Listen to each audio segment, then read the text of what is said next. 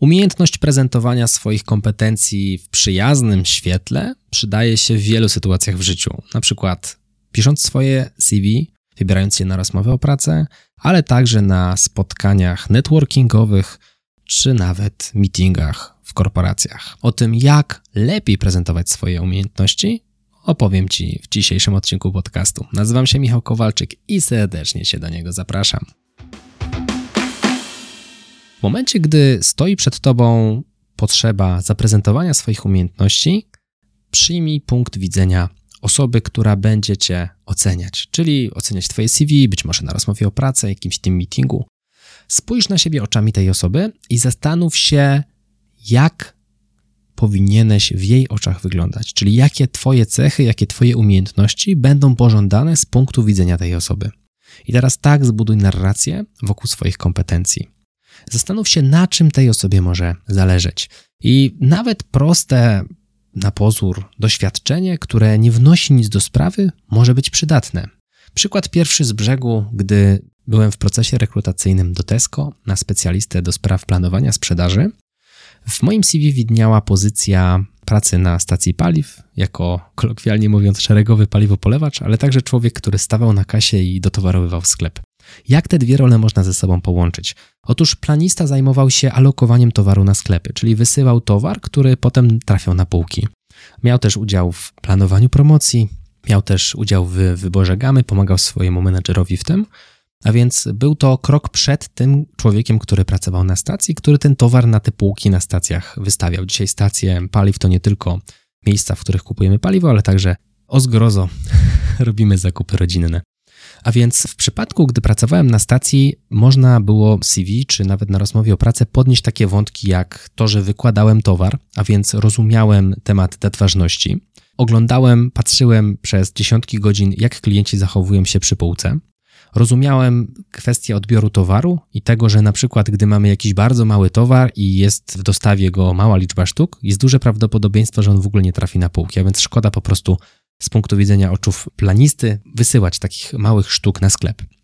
Mogłem godzinami obserwować zachowania klientów, co było wartością nieocenioną, a więc to jest krok, który jest za planistą. Łatwiej się wysyła towar, łatwiej się planuje towar, jeżeli wiemy, jak ten towar plus minus będzie się zachowywał w rękach człowieka, który będzie ten towar na półki wykładał. A więc okazuje się, że te dwie role na pozór niezwiązane są faktycznie w jakiś sposób ze sobą połączone.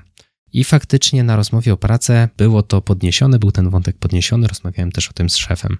Inny przykład to, no nie wiem, chociażby praca magazyniera. Jak można wyciągnąć z pracy magazyniera jakąś wartość dodaną?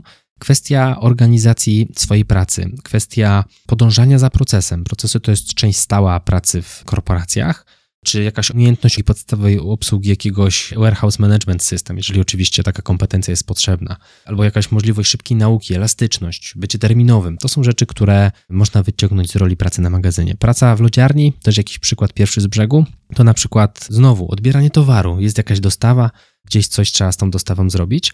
Customer care, rozmowa jeden na jeden z klientem, a więc to, żeby zarządzić jakimiś trudnymi klientami niezadowolonymi, można też opowiedzieć historię, która miała związek z właśnie takim trudnym klientem, jak sobie w takiej trudnej sytuacji poradziłeś, poradziłaś, to też może zostać odebrane jako duży plus w przypadku właśnie rozmowy o pracę. I teraz jak zaprezentować się na żywo, czyli mamy tutaj już jakiś rys, możemy sobie na spokojnie przejść przez nasze doświadczenie, z perspektywy roli, na którą aplikujemy, albo z perspektywy meetingu, które za chwilę się odbędzie, z perspektywy jakiegoś spotkania networkingowego, na którym będą osoby zajmujące się jakąś określoną branżą. No i w tym świetle chcemy się teraz zaprezentować, patrząc cały czas oczami ich na nasze kompetencje, na nasze doświadczenie, na to, co możemy im dać. A więc możemy zostać zapytani otwarcie o zaprezentowanie swoich tutaj kompetencji, umiejętności. Nie zachęcam do mówienia, jestem taki owaki i śmaki. Raczej zachęcam do robienia tego w sposób bardziej obrazowy, czyli korzystając ze storytellingu, czyli opowiadania historii. Czyli nie mówisz wprost, że umiem X, tylko możesz opowiedzieć, że była taka sytuacja w mojej firmie, gdzie trzeba było zrobić X, Y, Z, no i tam był jakiś oponent. Zazwyczaj oponentem będzie, nie wiem, na przykład deadline, tak? Był jakiś deadline, do którego trzeba było to zrobić. Opowiadamy potem trud walki tego, jak ciężko do tego deadline'u było dojść. Następnie wplatamy informacje o tym, jak świetnie sobie poradziliśmy, wykorzystując X, Y, Z, jakieś kompetencje, inne rzeczy, które właśnie budują ten autorytet, pokazują te nasze kompetencje w oczach słuchacza. No i na końcu mówimy szczęśliwe zakończenie, Podsumowujemy to wnioskami, które właśnie znowu stawiają nas w oczach takiego specjalisty, w oczach jakiegoś autorytetu, który świetnie zarządził tym tematem. I to jest takie bardzo, bym powiedział, gładkie, czyli to nie odpala to w oczach słuchacza jakiś lampek, go gość się tutaj wychwala, jest jakimś narcyzem czy jest arogancki, tylko pokazuje na realnym przykładzie, że my się znamy. Druga sytuacja to takie mimowolne wplatanie w zdania social proofu. Ja to robię regularnie, odkrywam karty, przyznaję się bez bicia. Czyli na przykład pisząc jakiegoś maila, czy rozmawiając z kimś, mówię, że tak, miałem podobną sytuację, robiłem szkolenia dla firmy i tutaj jakaś nazwa prestiżowej firmy mieliśmy tam podobny przypadek, nie? A więc na pierwszy rzut oka tam nie ma jakiegoś takiego jasnego powiedzenia, że umiem to albo tamto, ale to pokazuje, z jakimi klientami pracuję. Czyli jeżeli mówię, że miałem podobny przypadek, gdy robiłem szkolenie dla firmy, tam jakieś i rzucam jakąś dużą nazwę, oczywiście przy założeniu, że mogę się na ten przypadek powołać, nie jest to objęte jakąś tutaj klauzulą poufności NDA, no to to pokazuje, że ja pracuję z takimi dużymi klientami, prestiżowymi klientami, a więc stawia mnie w świetle, ok, to jest gość, który jest kompetentny, bo taka duża, prestiżowa firma nie wybrałaby gościa, który nie jest kompetentny. Jak można to zastosować na etacie?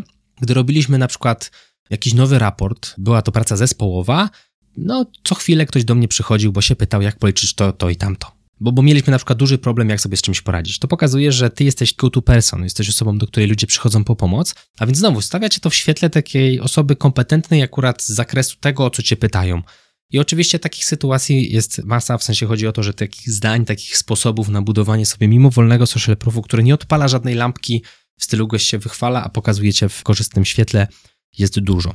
A więc podsumowując, zawsze staraj się, przygotowując się na takie spotkanie, czy przygotowując nawet swoje CV, zawsze staraj się patrzeć na to, co piszesz, albo na to, co mówisz, oczami osoby, z którą będziesz rozmawiał, czy która będzie to czytała, bo to ma być wartość wniesiona dla niej. Czyli nie wrzucasz tam wszystkich umiejętności, które masz, czy nie mówisz o wszystkich umiejętnościach, które masz, tylko mówisz o tych, które będą korzystne, które będą dobrze postrzegane i które są potrzebne Twojemu rozmówcy czy czytającemu dokumenty. To jest jedna sprawa. Druga sprawa to możesz, jeżeli jesteś otwarcie o to poproszony, opowiedzieć historię, w której w ładny sposób podkreślisz swoje umiejętności, albo możesz mimowolnie, rozmawiając z tą osobą, wrzucać takie tutaj zdania, które będą budowały w jego oczach Twoją kompetencję, Twoje bycie ekspertem. Tyle w tym odcinku. Jeżeli chcesz nauczyć się Excela tradycyjnie, odwiedź naukaexcela.pl. Tam jest taki fajny quiz, aby sprawdzić, jaki masz poziom Excela. Możesz sobie zrobić ten quiz i zobaczyć, który kurs będzie dla Ciebie. Ja się nazywam Michał Kowalczyk. Jeżeli podobał Ci się ten odcinek, wyślij go proszę jednej osobie. Do zobaczenia i do usłyszenia w kolejnym odcinku. Trzymaj się, hej!